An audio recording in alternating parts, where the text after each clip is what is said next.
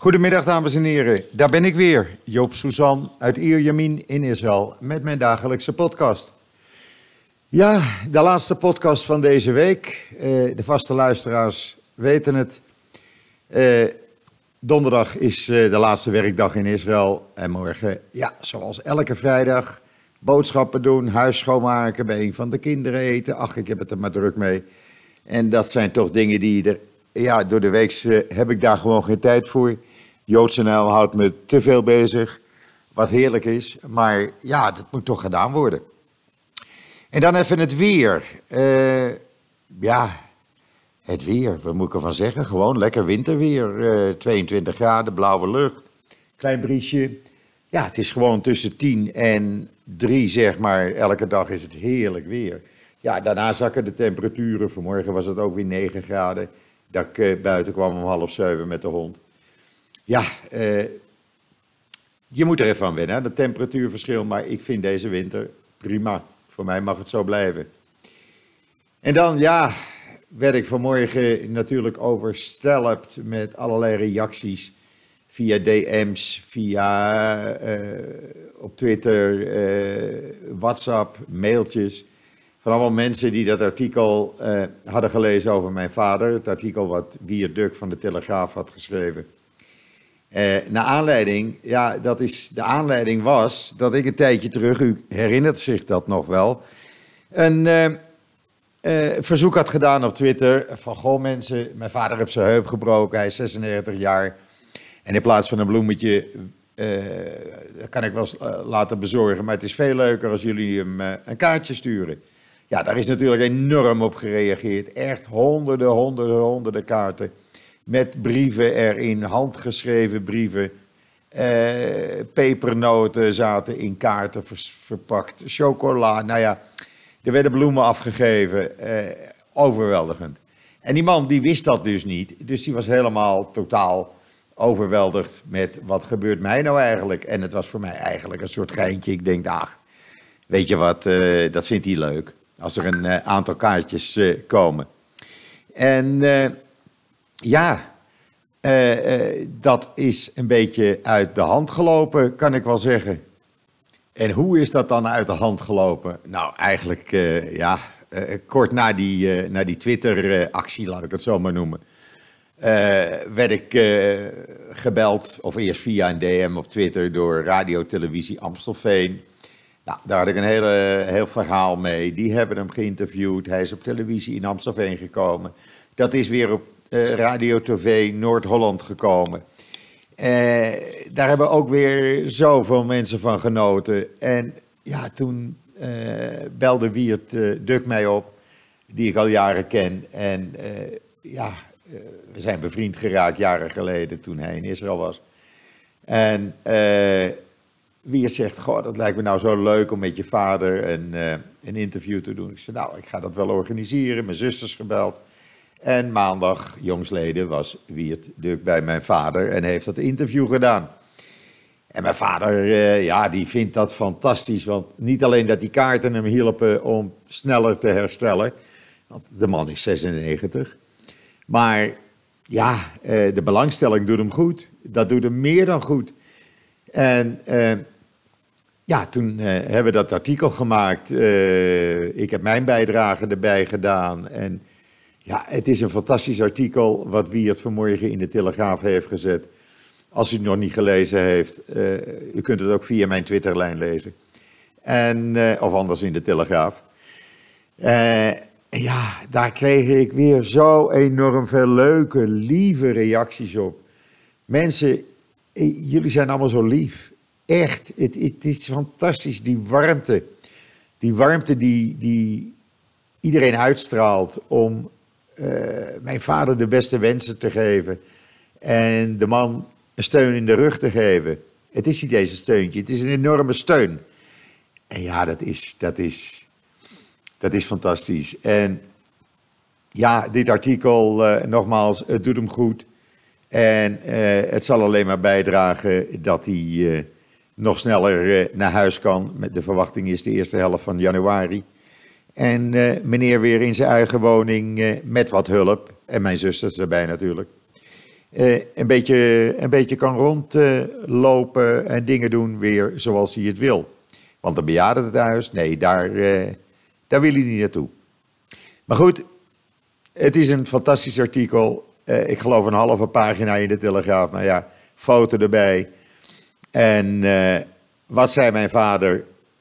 Het is zo belangrijk om ouderen die eenzaam zijn een kaartje te sturen. Hoe vind je dat? 96 jaar oud. Ik ben trots op de man. Goed, dat gezegd hebbende, ja, dan gaan we toch even over naar het, uh, hoe noem je dat, reguliere nieuws. En dan beginnen we in Israël natuurlijk. Vandaag maar even geen politiek. Ik had er even genoeg van. Het is elke keer hetzelfde. Het gaat tussen Gideon Saar en het gaat tussen Netanyahu en tussen Netanyahu en Gideon Saar. En wat er allemaal niet klopt en wat er allemaal wel klopt. En daar word ik een beetje gallisch van. En uh, vandaag even maar niet. Gewoon wat andere nieuws. In ieder geval, de Shin Bet heeft gisteren uh, bekendgemaakt dat ze in de afgelopen maanden, sinds augustus, een terreurgroep hebben opgepakt. Een terreurcel van 50 man, plus vrouw. Uh, die, uh, waar onder andere de moordenaars van de 17-jarige Rina Schnerp bij zaten. Die zijn nu ook allemaal van de straat. Uh, u weet dat ze een tijdje geleden hadden ze een van die verdachten opgepakt. En door speurwerk en verhoren natuurlijk en ja, allerlei andere methodes, aftappen van telefoons en, en nog meer dat soort dingen hebben ze dus nu, denken ze, de hele groep opgepakt. Die ook bezig was met uh, het voorbereiden van nieuwe grote terreuraanslagen in Israël.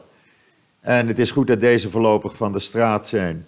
Als je het artikel leest, dan zou je haast denken: het is een aflevering van Fauda. Uh, die binnenkort trouwens hier op de Israëlische televisie weer begint. En ik denk in februari op Netflix. Maar uh, ja, het is echt uh, goed speurwerk geweest. En prima dat ze deze mensen van de straat hebben. En die zitten voorlopig, nou, de komende tientallen jaren, op, uh, niet op water en brood, maar wel gratis kosten en logie. Ja, en een uitkering helaas van meneer Abbas erbij. Ja, dat, ja, zolang hij hulpgeld krijgt, gaat hij terroristen betalen. Dus daar verandert weinig aan.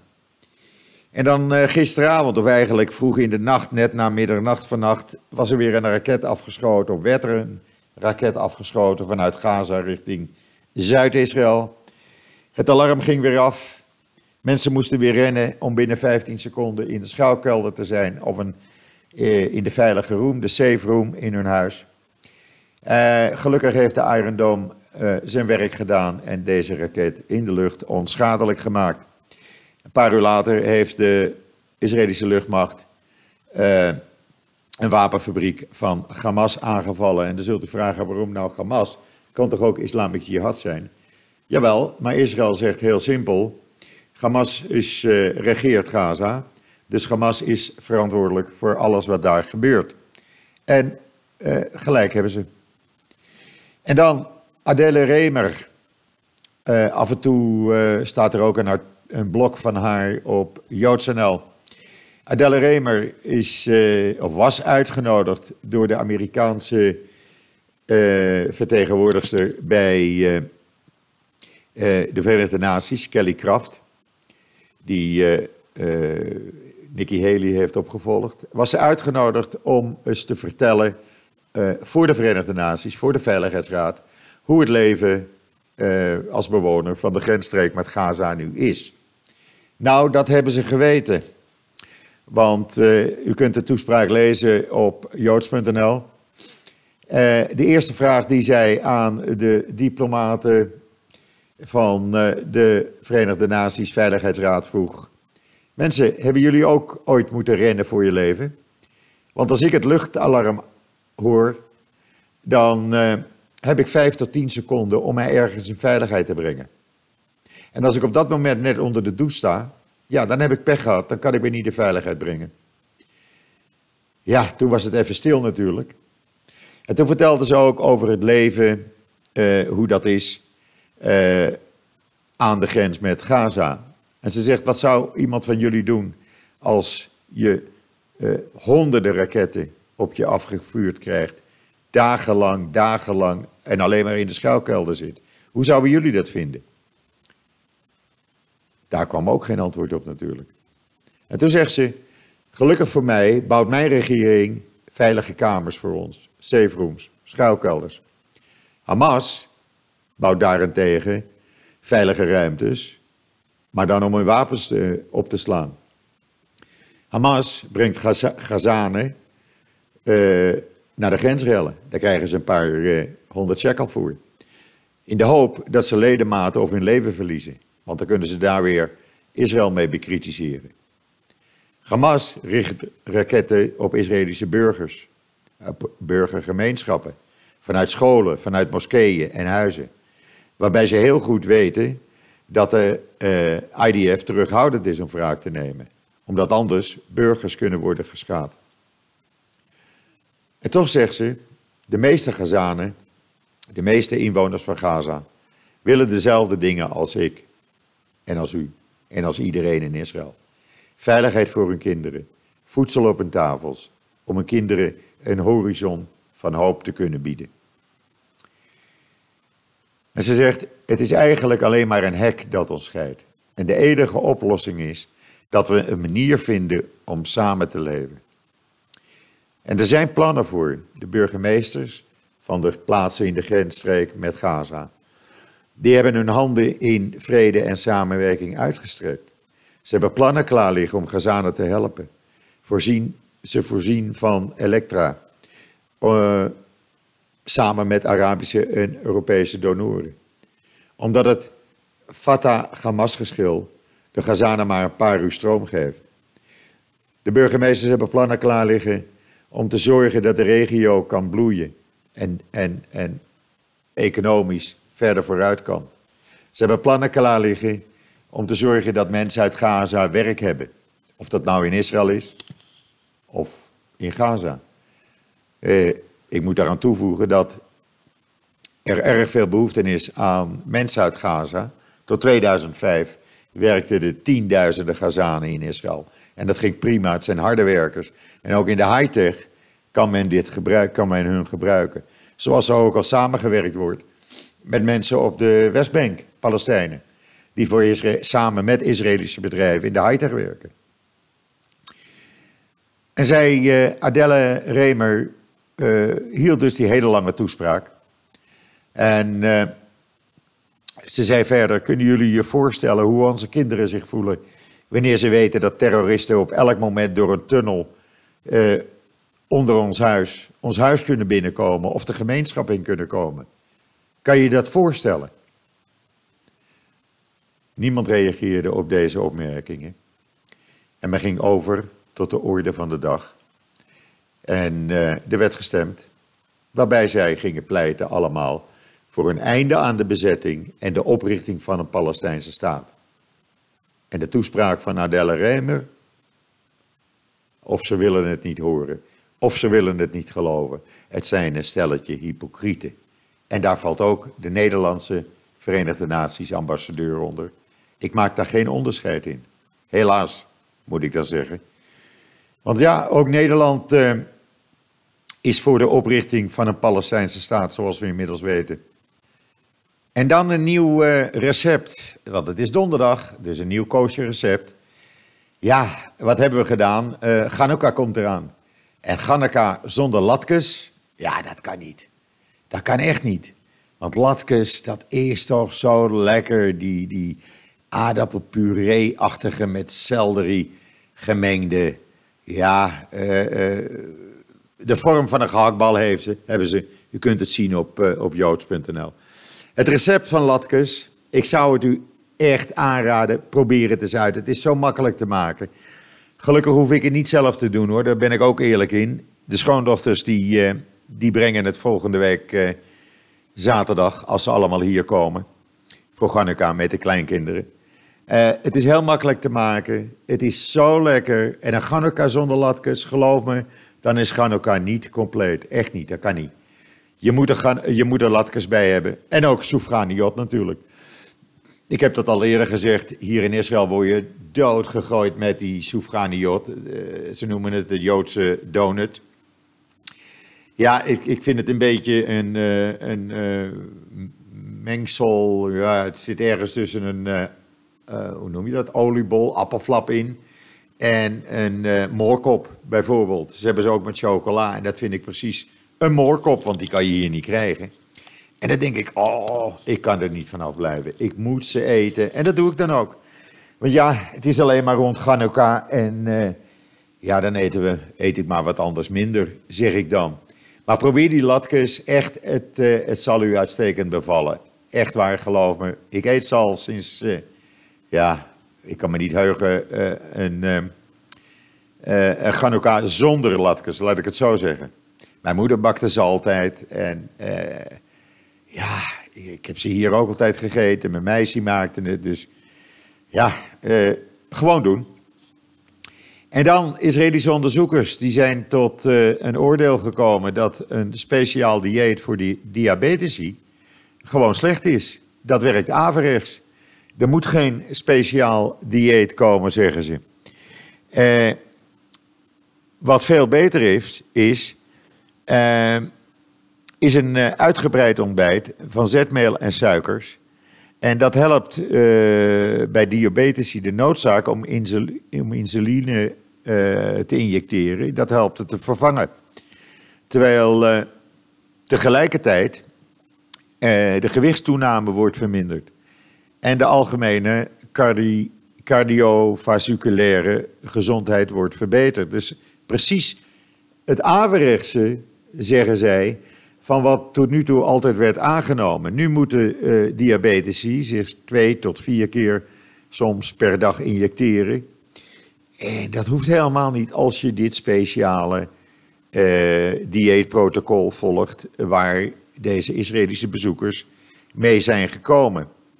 Het wordt 3M uh, genoemd. Het vereist slechts drie maaltijden per dag, beginnend met brood, fruit en snoep in de vroege ochtend. Dan een uitgebreide lunch en een klein diner, specifiek zonder zetmeel, snoep en fruit. Uh, ja, dat schijnt veel beter te zijn. Ze hebben daar uh, jarenlang uh, testen mee gedaan. Ze hebben 29 patiënten hebben zij hierop getest met dit dieet. en men verbeterde de suikerniveaus verbeterden. Het werd alleen maar beter en ze hoefden geen insuline meer eh, in te injecteren. Nou, dat is toch fantastisch?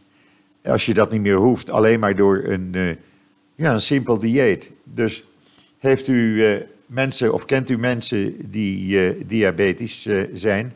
Laat ze dit artikel op joods.nl even lezen. Er zit ook een link bij naar de site waar het uh, originele artikel werd uh, gepubliceerd. Dat is Diabetes. En dan Rob Fransman. Ja, ik ken hem al jaren en ik heb nooit gemerkt dat die man uh, kwaad werd. Maar Rob is nu wel heel kwaad in zijn nieuwe column, die op joods.nl is verschenen. en waarover is hij dan kwaad? Nou, u moet het zelf maar even lezen, maar het gaat over de, ja, over de boeren over de Farmers Defence Force met name. En uh, ja, Rob is zo kwaad dat hij daar een uitgebreide column over heeft geschreven. En ik moet zeggen, ik ben het met hem eens. Ik ben het volslagen met Rob eens.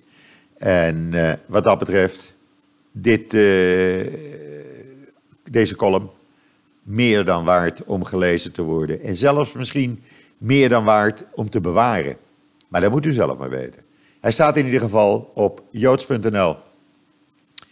En dan, ja, Hanukkah komt eraan, dus ook de Maccabeats, de bekende Amerikaanse Joodse zanggroep, heeft weer een Hanukkah-song uh, gemaakt zoals ieder jaar. Dat is eigenlijk een uh, traditie al geworden. En deze keer gaat het, uh, ja, heeft het betrekking, hun song, op de gruwelijke antisemitische aanvallen die het laatste jaar in Amerika zich voordeden. In Pittsburgh, Poway, de synagoge en recentelijk nog in Jersey City. En de teksten verwijzen naar het belang van het vieren van Hanukkah in het openbaar, met de menorah naar buiten gericht, dus richting publiek, zoals dat in Israël overal te zien is. Uh, ja, luisteren zou ik zeggen. Gewoon even luisteren. Want uh, het is toch wel heel iets bijzonders.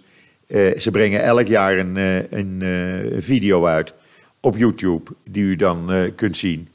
En ja, is heel bijzonder. Heel bijzonder. En dan, uh,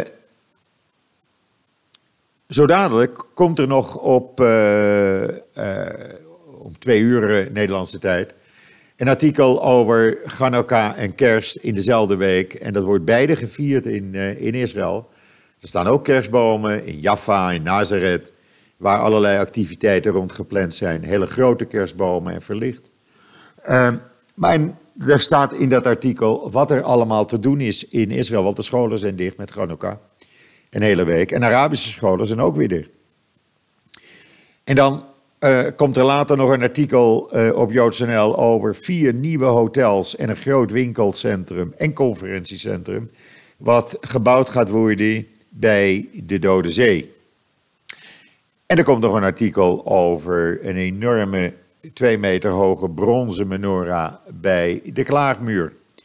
Dus nog leesstof, uh, voldoende zou ik zeggen, zo dadelijk op joods.nl. Uh, en ook natuurlijk de vaste rubriek, wat schrijven de Hebreeuwse kranten in Israël vandaag, die echt door honderden van u wordt gelezen. Uh, het is veel werk, maar we vinden het leuk om, om u daarmee te verblijden, om het zo maar eens te zeggen. Ja, dat brengt me al een beetje tot het einde van deze podcast. Uh, je kan merken, ook in Israël natuurlijk, uh, zoals in Europa en uh, overal ter wereld. Kerst komt eraan, dus het nieuws wordt een beetje minder. En gelukkig, als het nou zonder geweld blijft hier de kerstdagen, nou dan kan je toch echt zeggen van vrede op aarde. En wat is er nou mooier dan kerst in Israël? Ik heb het zelf vroeger met Connie Mus, met mijn maatje, paar keer in Bethlehem uh, kunnen bewonderen. Echt heel bijzonder. Uh, ja, uh, je moet dat meemaken. Het is een hele aparte sfeer. En dan de combinatie van kerst en Hanukkah in dezelfde week. Dat is natuurlijk helemaal mooi. De kerstboom met lichtjes, de Joodse huizen met de Chanukkia's, de menorahs met lichtjes, de echte kaarsen erin of elektrisch. Dat maakt allemaal niet uit. Het is natuurlijk een hele bijzondere tijd. En het is ook een tijd die het einde van het jaar inluidt. Want laten we wel wezen, na kerst, na Hanukkah. Hanukkah is de 29e afgelopen. En dan zitten we drie dagen later in het jaar 2020. Nou wordt er hier weinig aan gedaan. Uh, ik zeg haast gelukkig, want je hoort gelukkig geen uh, vuurwerk. Maar ja, uh, besloten parties zijn er dan voor oud en nieuw. Maar op straat, nee hoor, want de volgende dag is gewoon weer een werkdag. Uh, dus hier in Israël houden wij ons aan de Joodse jaartelling. Goed, dat brengt mij toch, mij toch tot het einde van deze podcast. De laatste van deze week, zoals ik zei. Maar niet getreurd, zondag ben ik weer bij u terug. Dus ik wens u nog een heel fijn, uh, een fijne middag toe. Een fijne donderdag, de 19e december alweer. Ik wens u alvast een goed weekend en Shabbat Shalom vanuit Israël.